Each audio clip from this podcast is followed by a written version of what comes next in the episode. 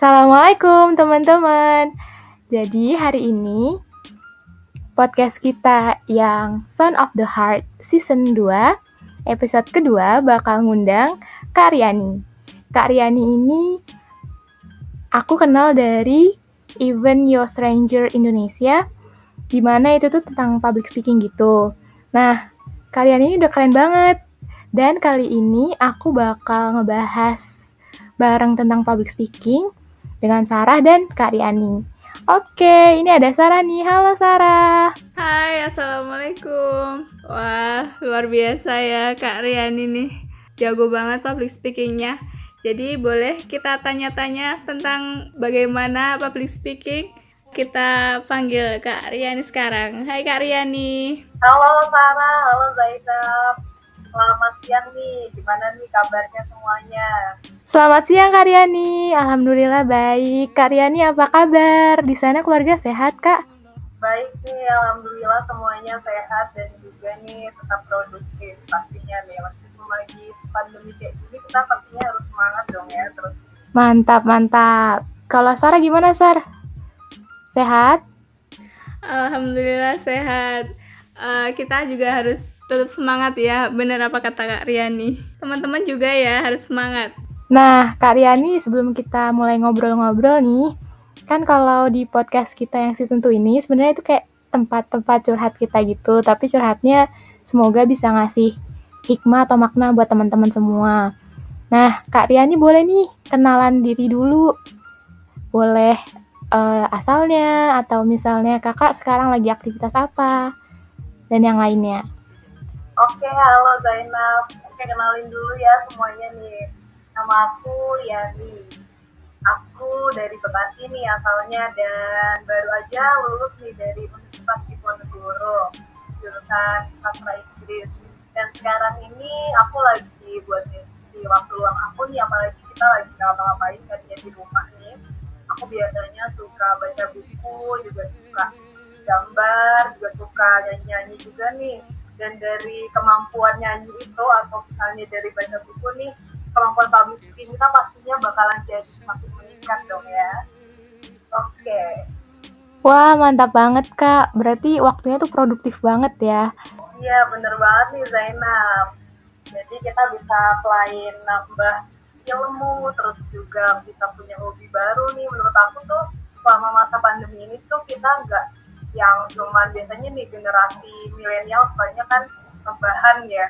Nah sebenarnya itu selain rebahan gitu, kita juga bisa nih melakukan hal-hal produktif meskipun lagi di rumah aja kayak saat ini nih, kayak tadi ada baca buku, terus juga bisa nyanyi bareng, misalnya ada yang suka nyanyi bareng keluarga, bisa nyanyi nih sama mama, papa, bahkan kita bisa sambil latihan public speaking, kayak meski eh, bisa di kaca, bisa juga melalui teman atau partner juga kita bisa cari mentor buat melihatkan kemampuan public speaking kita nih. Mantap, luar biasa. Berarti Kak Riani ini sepertinya sudah lama ya di dunia public speaking. Kira-kira sudah berapa lama sih Kak Riani tertarik dan terjun ke dunia public speaking? Dan dalam sudut pandang Kak Riani, public speaking itu seperti apa?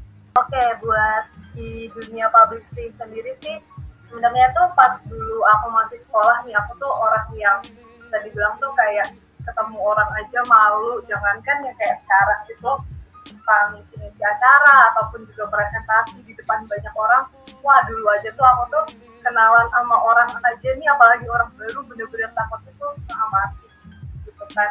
Nah sekarang ini tuh karena lagi kayak gini nih justru tuh kita bisa meningkatkan kemampuan public speaking kita nih dengan pastinya kita soalnya ikut seminar nih. Kita bakalan ketemu banyak orang dan banyak relasi baru nih.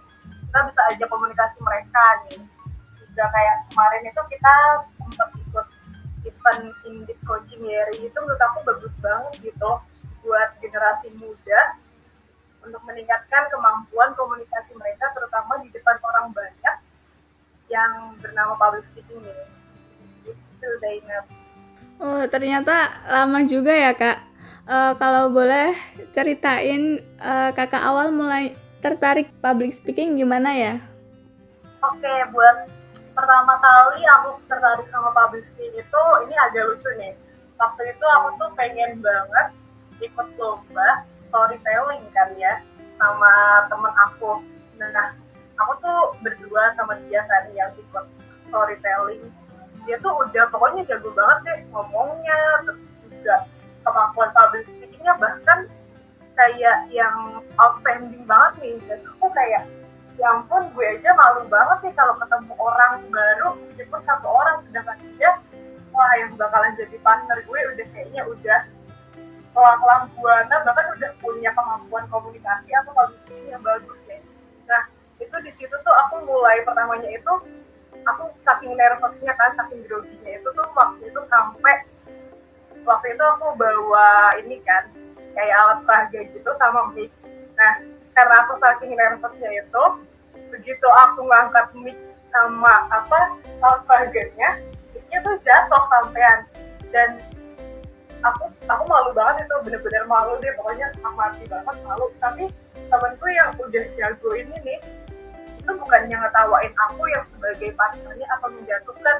Dia malah motivasi aku supaya aku bisa lebih baik lagi terus dia juga rekomendasiin kira-kira aku harus belajar sama siapa. Dari situ aku mulai berta mulai tertarik di dunia public speaking. Karena ternyata tuh belajar dari kesalahan tuh emang sangat berharga banget dan bagus banget daripada kalian tuh kayak langsung jadi orang yang hebat atau langsung bagus di public speakingnya. Kalau kalian belajar dari awal itu lebih bagus banget dan pasti kita tuh bisa sambil menikmati proses yang ada di dalam diri kita. Wah, keren banget awal mulanya, Kak. Dari yang tadinya masih belum tahu gitu ya soal public speaking sampai sekarang udah jadi sering banget jadi moderator. Kalau yang aku lihat kan di IG tuh kayaknya sering banget tuh moderator acara ini, moderator acara itu gitu.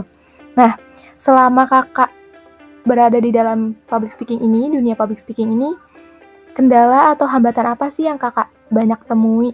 Dan gimana cara kakak mengatasi hambatan atau kendala-kendala itu? Oke, kalau sekarang ini aku tuh sebenarnya waktu pandemi itu tuh kayaknya tuh sebenarnya rebahan banget aku juga nggak expect banget nggak nyangka banget bakalan dikasih kesempatan sama berbagai komunitas atau organisasi buat ngisi di acara-acara mereka.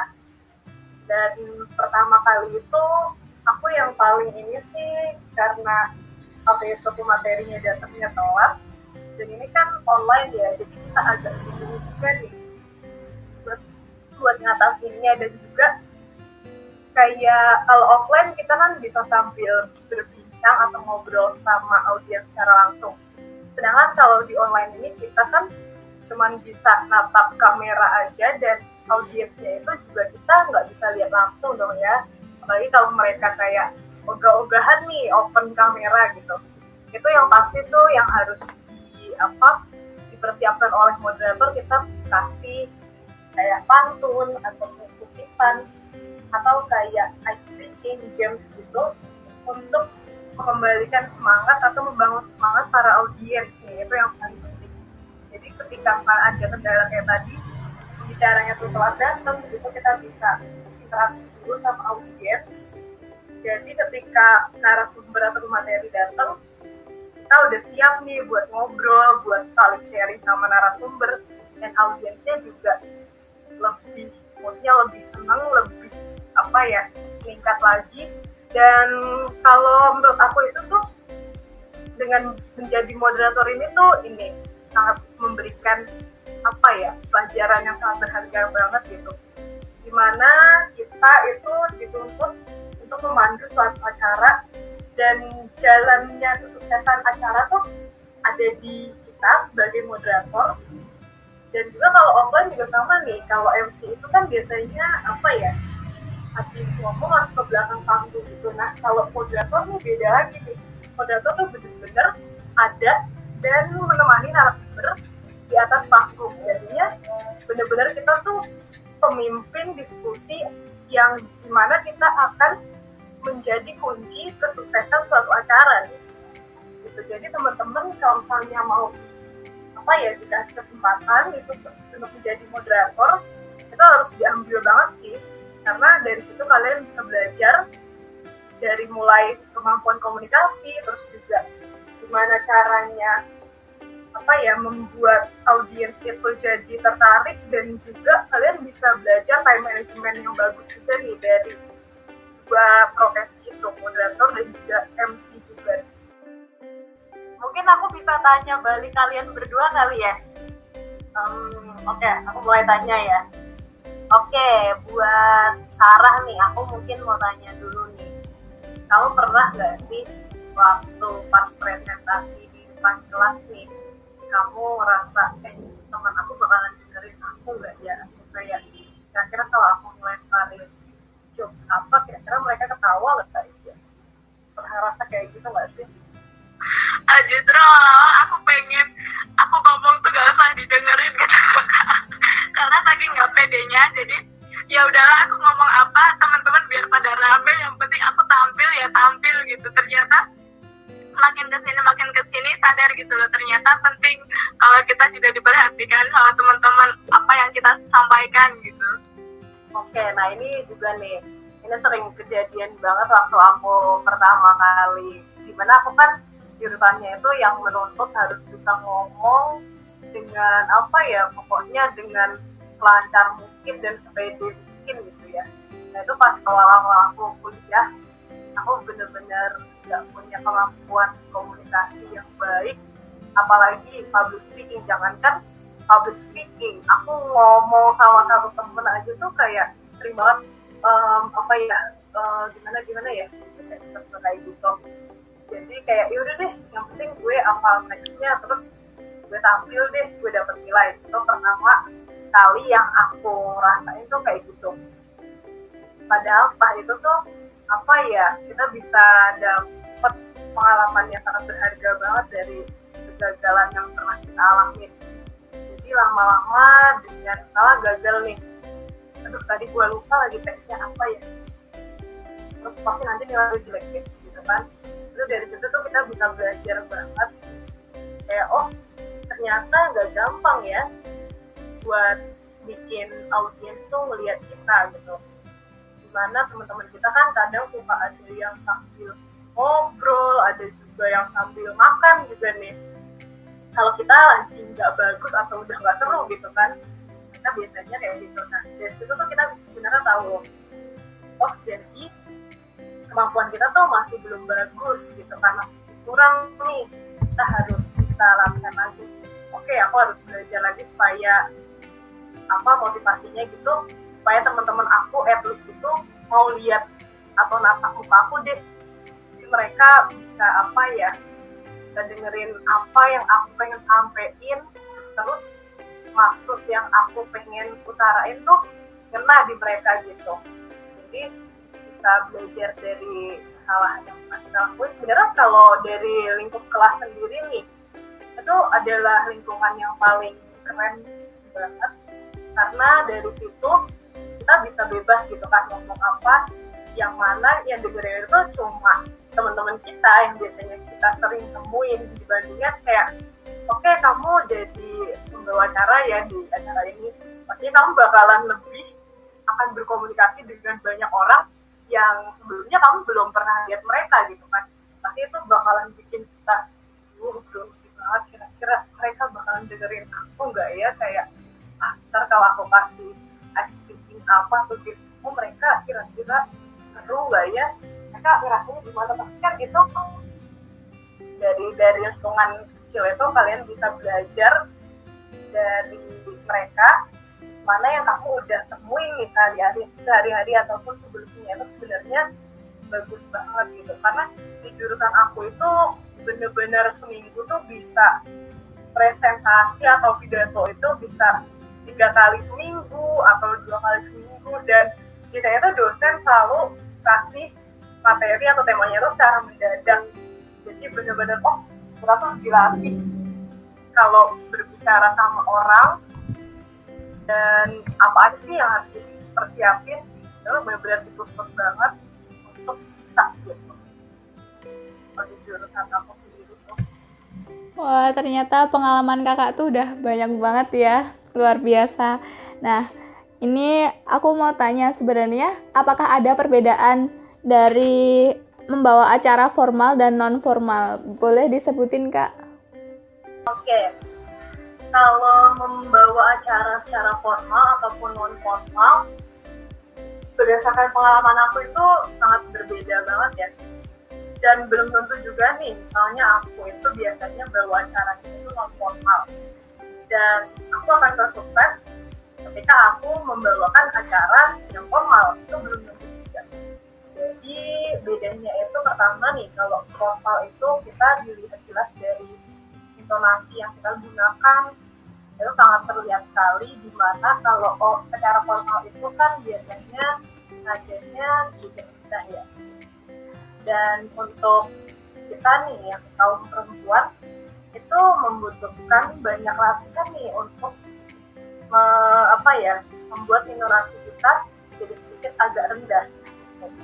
Dan juga kalau di acara formal itu biasanya kita udah disediain rundown yang udah ada dari panitianya. Dan biasanya itu kita udah nggak bisa ubah lagi gitu ya.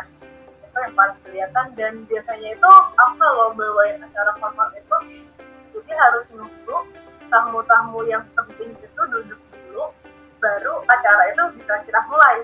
Jadi kayak acara non formal gitu kan.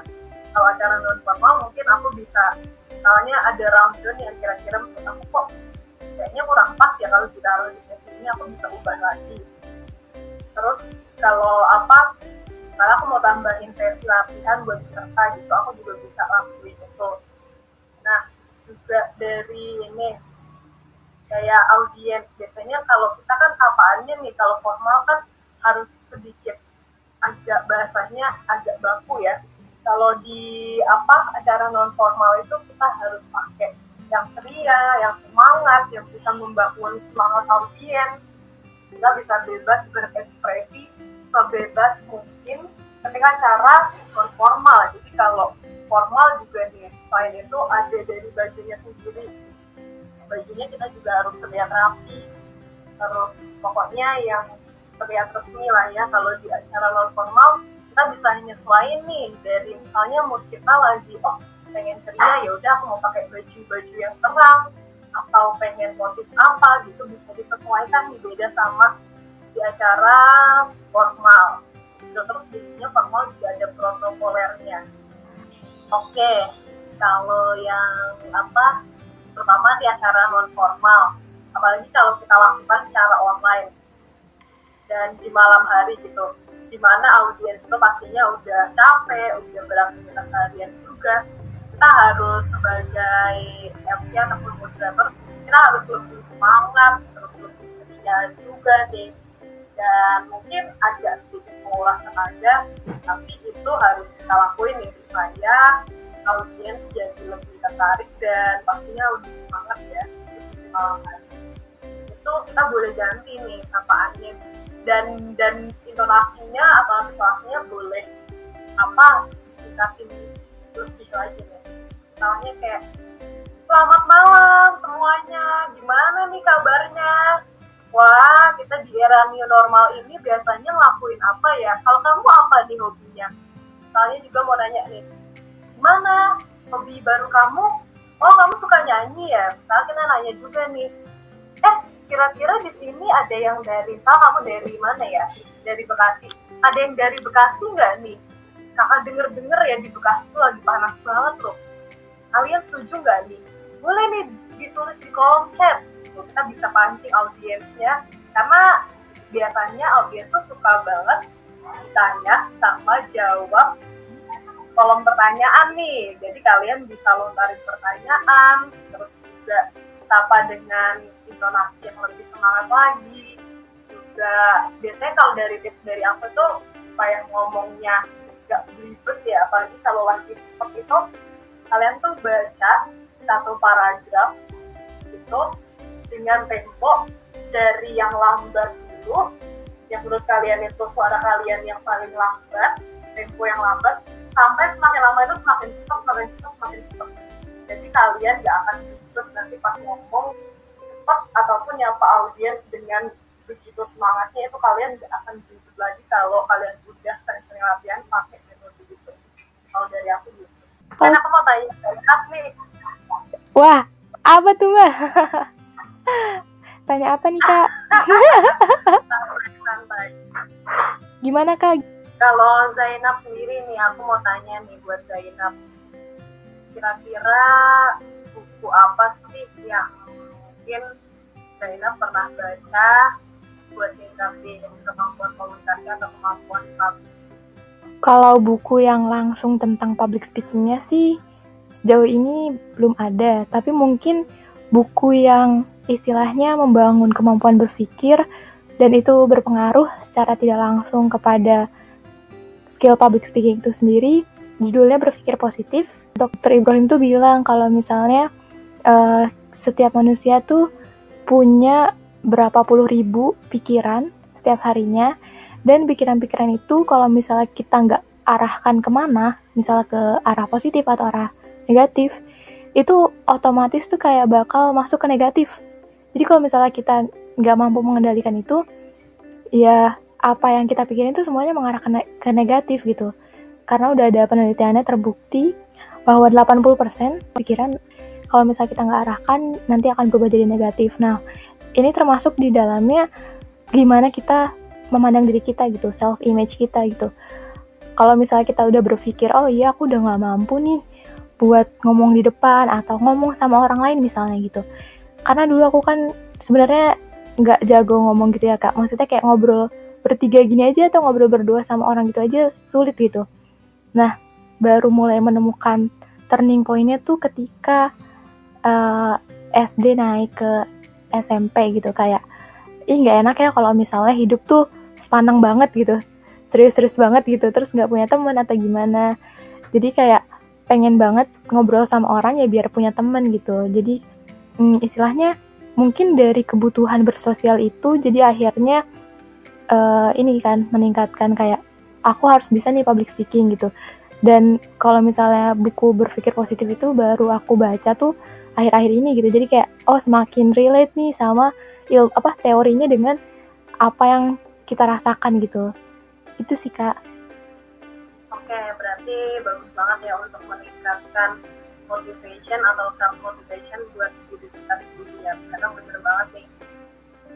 siapa lagi yang bakalan mulai untuk apa ya melangkah lebih maju atau buat keputusan kalau bukan dari kita dulu nih mengambil langkah nah aku lihat juga Zainab sering ini jadi moderator juga nih. Dan aku suka banget sih apa ya intonasinya Zainab terus suaranya juga lembut gitu kan gak kayak ya tahu sendiri kan suara aku kayak gimana. Bahkan awal-awal itu aku pernah sempat banget dengar suaraku sendiri kayak apa latihannya kayak apa ya aku ngomong nih gitu terus nanti aku record dan waktu pas awal-awal pas aku latihan buat maju acara offline kayak ah enak banget nih kalau lihat atau denger suara gue sendiri. Itu bener-bener kayak gitu. Tapi ngelihat suaranya Zainab kayak bagus itu suatu menjadi suatu model untuk ini sih dunia speaking depannya untuk berkomunikasi dengan orang lain itu salah satu model yang keren banget dan suatu banget dan gimana sih waktu pas apa awal-awal jadi MC itu pernah gak sih kayak ngerasa kayak tadi aku bilang tapi suara ya terus komunikasinya sama sama ya gitu Wah, terima kasih kak. Kayaknya saya tidak pantas mendapatkan pujian itu gitu. Karena jujur aja kak, kalau misalnya kakak dengerin suara aku baik-baik, suara aku tuh kayak bisa berubah-ubah gitu loh kak. Maksudnya kayak uh, dia tuh kadang nih kalau aku nggak kontrol, dia bisa jadi cempreng atau bisa jadi uh, ngebas gitu dalam atau malah kayak mungkin falset atau jadinya tuh kayak sumbang gitu. Jadi kayak aku tuh kalau misalnya bikin podcast atau bikin apa misalnya nge-MC gitu-gitu itu awal-awal ya awal-awal mungkin kalau misalnya nge-MC itu cuek gitu kan kak karena belum tahu ilmu-ilmu public speaking gitu. Kayak ya udahlah oh MC bawain acara udah gitu doang. Terus kalau misalnya sekarang nih udah mulai tahu oh ternyata ada tekniknya loh ada caranya. Jadi kayak lebih merhatiin lagi. Eh ternyata nggak enak ya kalau misalnya kayak gini nadanya intonasinya gitu. Apalagi uh, pas kemarin ikut indep coaching juga oh sebenarnya tuh udah bagus cuma kecepetan itu tuh yang kayak gitu-gitu tuh kayak harus belajar masih banyak belajar gitu. Jadi istilahnya ketika ada opportunity nih misalnya jadi MC atau jadi moderator sekarang tuh jadi ajang belajar banget gitu sih untuk mengasah public speakingnya gitu. Karena kan yang tadi kakak sempat jelasin tentang gimana kalau ngebawain acara formal, ngebawain acara non formal kayak gitu kan kak. Terus kalau misalnya buat di podcast sendiri tuh kayak uh, aku juga sering sebenarnya kayak uh, rekaman ulangi lagi, rekaman ulangi lagi. Soalnya mungkin ada yang katanya belibet atau misalnya dia tuh ada yang kayak bunyi gitu loh pas lagi ngomong. Terus atau misalnya tiba-tiba sumbang gitu gara-gara gak kuat nafasnya. Jadi banyak banget uh, apa ya masih banyak belajar gitu. Ini aja mungkin suaranya udah beda lagi nih. Apa kayak nggak tahu kayak warna, warna bukan warna sih kalau warna kan mungkin bakal sama terus tapi apa ya kesumbangan. Jadi kayak misalnya nanti ada cempreng ada tadi rendah atau gimana itu aku masih belum bisa ngatur sih kak. Belum bisa ngatur dengan sebaik. Kakak tuh kayaknya udah stabil gitu kan intonasinya ajek gitu. Ya nih kalau buat intonasi sendiri juga itu harus banyak latihan juga. Selain itu juga buat pernapasannya nih kayak misalnya Zainab tadi bilang itu ngomongnya cepet kak terus temponya jadinya berubah-ubah nih gara-gara kecepatan nih ngomongnya. Nah itu tuh kayak yang aku bilang gak cuma penyanyi doang yang harus latihan pernapasan atau latihan intonasi buat apa yang adanya gitu. Itu gak cuma untuk profesi penyanyi atau misalnya apa gitu ya profesi tertentu doang. Tapi dari kita juga butuh kemampuan itu gitu bisa mulai dilatih dari pernapasannya nih. Misalnya kita biasanya kalau ngomong itu pakai pernapasannya tenggorokan. Nah kita bisa alihin nih pakai pernapasan perut atau diafragma gitu. Jadi suara yang kita hasilkan atau intonasinya itu bakalan stabil. Jadi kita nggak kayak kayak ngos-ngosan jadi kayak orang habis lari maraton berapa kilo kalian harus latih pernapasan juga. Jangan jangan ah gue biasanya nih pakai nafasnya yang pernapasan yang di paru-paru atau pokoknya yang pendek lah ya untuk mengambil nafas pendek. Itu jangan disamain kayak apa ya biasanya. Jadi kalian bisa ganti opsionalnya itu bisa pakai pernapasan perut atau diafragma itu yang juga biasanya kalian bisa latihan dari ini itu makanya kenapa penyanyi-penyanyi itu pada puas banget ngambil nafasnya karena mereka pakai pernapasan dari itu dan juga kalau apa ya tempo ngomong itu biasanya aku latihan itu dari tadi dari yang mungkin paragraf dari tadi. Semakin lama semakin cepat itu bisa dilatih dari situ juga gitu. Oke mbak, nanti dicoba saran-sarannya sepertinya harus banyak-banyak latihan pernafasan karena nafasku pendek. Oke. Juga nih kalau apa kalian suka uh, hmm, itu kalian tuh biasanya harus banyak baca baca materi dulu nih sebelum melakukan apa presentasi atau presentasi di depan umum karena biasanya kalau buat pemula suka suka apalagi yang belum menguasai topik kayak presentasi apalagi mana ya? Udah sampai poin berapa ya gue jelasinnya ya gitu. Ya harus dipersiapkan dulu dengan baik mungkin. Tapi kalau kalian makin ke sana makin ke sana pasti lama-lama bakalan nggak nggak pakai teks lagi nggak pakai apa pun lagi alat bantu lain kalian sudah biasa. Juga ketakutan aku juga ini sih. Kalau sampai sekarang itu terutama kalau pas pertama kali bicaranya datang gitu ya kalau pas offline atau pas online juga pas bicaranya muncul tuh dan apa ya ada ada mukanya di mana misalnya aku belum pernah ketemu nih si pembicara itu biasanya aku itu nervous banget gitu kayak aku pengen atau uh, aja rasanya gitu. Itu biasanya sampai sekarang masih ada. Meskipun udah berkali-kali mau berapa kali pun itu pasti rasa nervous first atau itu pasti udah ada. Terutama ketika awal-awal orang lain yang mungkin kita nggak pernah ngobrol sebelumnya. Kamu tanya gimana? Uh, mau tanya satu lagi kalau misalnya public speaking tuh introvert sama extrovert gitu mempengaruhi nggak sih dalam public speaking kalau buat kepribadian itu kan ada tiga ya kalau nggak salah itu introvert, extrovert atau ambivert. Sebenarnya apa pun kepribadian kalian itu nggak mempengaruhi sama sekali sih sebenarnya kalau dari aku ya perspektif aku. Karena bahkan temen-temenku yang udah jago nih public speaking-nya itu mereka kebanyakan itu kepribadiannya introvert gitu kan. Dan mereka juga bahkan menurut aku lebih bagus kok daripada aku nih misalnya yang extrovert gitu. Jadi nggak menutup kemungkinan apa pun kepribadian kamu itu akan menghalangi keberhasilan public speaking kamu ataupun gimana gaya kamu berkomunikasi dengan orang lain. Mungkin bedanya itu kalau introvert itu kan dia apa ya katanya cenderung diam terus kayak bisa akrabnya sama misalnya sama dari teman terdekat lebih dahulu atau dari sahabat. Dan mungkin bedanya itu sih kalau yang extrovert kan kayak eh ketemu orang baru langsung yuk kenalan yuk kamu dari mana nih asalnya kamu bisa apa kayak gitu gitu kan.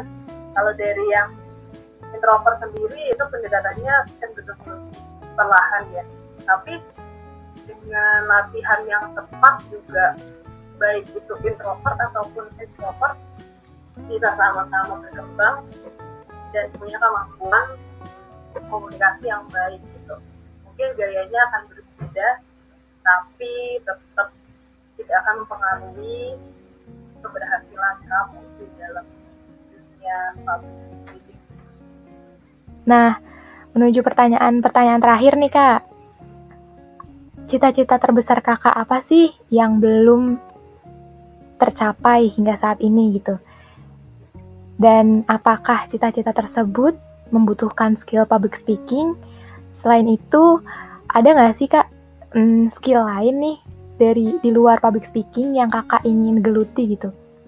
Skill-skill lain. Oke, kalau dari cita-cita sendiri sebenarnya aku itu juga termasuk satu orang yang bingung ya menentukan cita-cita aku. Jadi kalau misalnya guru kalian bilang ya gimana sih kok kamu gak punya cita-cita? Itu buruk loh gitu. Sebenarnya kita juga bisa nih karena karena keinginan orang kan pasti bakal berubah dan pastinya beda-beda ya. Kalau dari aku itu dulu aku pengen banget ya guys itu kayak gitu. Terus ketika aku apa semester 4 ya yang aku kayak berubah oh kayaknya ketika aku belajar tentang interpreting, interpreting aku juga pengen jadi interpreter terus kalau itu aku juga lihat artis yang jadi penerjemah aku juga pengen banget gitu. Jadi lumayan banyak cerita aku. Dan menurut aku semua profesi itu meskipun juga apa ya salah kita yang pengen yang profesi yang ada di belakang layar ataupun di yang kerjanya di depan laptop itu akan tetap membutuhkan skill public speaking. Karena kenapa? Karena kemampuan komunikasi itu sangat dibutuhkan nih buat profesi apa pun ataupun siapa pun itu. Baik di dalam kehidupan sehari-hari maupun ketika kita juga berkarir. Dan juga misalkan kalian pengen ya udah deh aku pengen jadi pokoknya nggak ngomong-ngomong gitu deh sama orang aku nggak usah yang apa yang show off show off banget nih sama orang. Itu kalian nanti juga ujung-ujungnya akan membutuhkan kemampuan publicity atau komunikasi itu. Baik di, di dalam berkomunikasi antar teman antar rekan kerja ataupun juga dengan klien kalian kalian pastinya membutuhkan kemampuan komunikasi ataupun kemampuan public speaking yang bagus juga nih.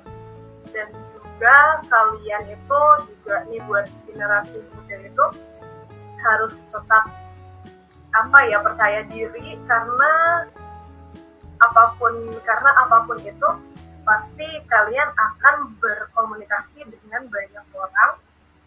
Contohnya aja ketika kita tadi kayak yang sudah contohin ketika kita ingin ikut lomba pasti itu kita akan membutuhkan kemampuan komunikasi juga. Dan kalau kemampuan komunikasi yang kita punya atau kemampuan public speaking kita masih belum bagus itu sebenarnya nggak apa kalian bisa belajar lagi. Asalkan kalian jangan apa ya setelah misalnya gagal kayak waktu aku tadi bilang tuh aku pernah jatuh ritmik karena aku saking groginya terus aku jadi nggak mau belajar nih setelah itu. Kalian tuh jangan jangan yang kayak gitu kalian harus belajar dari penyesalan yang pernah kalian lakuin nih. Daripada kalian itu gagal kalau akhirnya jadi nyesel.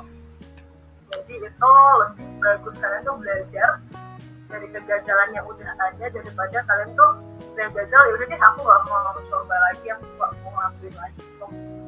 dan sebenarnya punya banyak cita itu untuk generasi muda itu itu bagus banget gitu.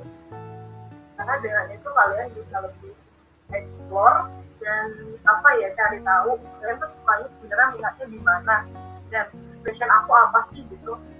Dengan punya banyak cerita itu kalian tuh bisa nanti semakin lama semakin tahu passion kalian di mana dan bakat yang kalian punya tuh apa gitu. Terus selain apa aku ini ya selain public speaking itu kemampuan apa yang pengen aku kembali lagi sebenarnya banyak banget juga. Karena aku sekarang itu lagi pimpin apa organisasi aku pengen banget nambah leadership skill aku. Dan juga aku pengen memanage kemampuan manage time aku time management aku lebih bagus lagi. Karena biasanya itu kalau aku udah excited banget sama suatu acara baik aku ataupun pembicara kita berdua tuh suka kayak lupa waktu gitu bahkan sampai malam banget gitu aku pengen belajar kemampuan management juga terus juga. Sebenarnya banyak banget. Aku juga pengen belajar banyak bahasa yang di mana itu bisa meningkatkan kemampuan kita berkomunikasi dengan banyak orang maupun juga berpublic Oke, terima kasih banyak Kak untuk tips dan trik bagi-bagi pengalamannya juga. Uh, jadi untuk penutupan, boleh kasih closing statement? Nah, buat closing statement dari aku itu pesan aku buat teman-teman di sini maupun generasi muda yang ada di sini yang sudah kita di podcast kalian harus semangat terus buat mencapai apa yang kalian inginkan atau apa yang kalian mau. Dan jangan pernah takut gagal dan akhirnya menyesal. Itu jangan sampai kalian itu takut gagal tapi nggak pernah coba gitu. Kalian jadi nggak tahu apa yang akan dihasilkan atau ditimbulkan dari apa yang kalian akan coba ini. Lebih baik gagal daripada kalian itu nggak pernah mencoba sama sekali dan jangan pernah takut menyesal sedikit pun untuk mengambil suatu keputusan atau langkah untuk keberhasilan kalian ke depannya. Dan juga jangan jadikan apa ya ketakutan tuh bisa impian-impian kalian nih di masa depan. Karena mungkin kalian misalnya merasa nih nanti gue kalau kayak gini bisa nggak ya? Akhirnya gue bakal berhasil nggak ya? Itu jangan sampai keraguan-keraguan yang ada di dalam hati kalian. Itu menutupi pintu-pintu keberhasilan kalian di masa depan.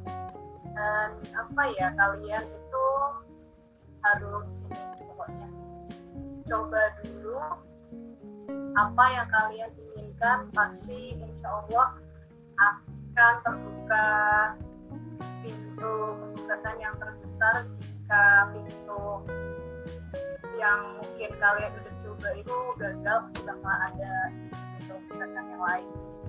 Dan dari diri sendiri itu kita harus mulai percaya dan tanamkan kalau kita bisa kita luar biasa jadi itu harus selalu ditanamkan di dalam hati kita dan diri kita karena siapa lagi yang akan memotivasi kalian kecuali diri kalian sendiri Oke, terima kasih Karyani. Nggak kerasa ya, udah lama juga kita ngobrolnya. Dan kita jadi dapat insight-insight baru tentang gimana public speaking itu. Dan sharing pengalaman Karyani itu berharga banget buat temen-temen yang mau terjun, nyobain, maupun yang tertarik sama public speaking. Semoga tadi sharing pengalaman, tips-tipsnya, dan pesan-pesan Karyani buat teman-teman semua bisa bermanfaat buat kehidupan teman-teman, khususnya kemampuan teman-teman dalam mengembangkan skill public speaking. Terima kasih banyak Karyani. Semoga sehat selalu dan tetap menginspirasi Ya, di tengah pandemi. Zainab. oke siap-siap Oke. Kali boleh nih nanti yang bicara Sarah mungkin nih atau Zainab Oke, Kak. Semoga kita bisa berbincang lagi di lain waktu. siap see you ya in another time iya terima kasih sehat-sehat ya See you, Kak. Ya, ya Wah, keren banget Karyani. Dari sharing-sharingnya, kemudian tips-tipsnya, dan pesan-pesannya Karyani tentang public speaking jadi ngebuat aku dan mungkin teman-teman yang lain juga ya Sarah tambah semangat untuk terus menekuni bidang public speaking ini. Ya, semoga teman-teman yang dengerin podcast ini bisa belajar banyak dari bincang-bincang kami dan tetap semangat terus dalam belajar apa pun itu. Semangat pokoknya jangan menyerah sama pandemi atau apa pun itu. Betul banget. Apalagi menyerahin ya. Menyerahnya tuh bukan karena keadaan, tapi menyerahnya karena rasa malas. Ya ampun, jangan sampai kalah. Bukan menyerah kali ya, kalah. Jangan kalah dari rasa malas. Itu perjuangan banget dari kita berdua juga. Oke, terima kasih teman-teman yang sudah mendengarkan podcast ini sampai akhir. Semoga kita dapat membuat lagi atau bertemu lagi di podcast berikutnya. Ya, terima kasih. Bye. Assalamualaikum. Waalaikumsalam, bye. Ditunggu podcast selanjutnya. Oh iya, nanti kita mungkin bakal ngajutin yang pertemanan. Dadah. あっ。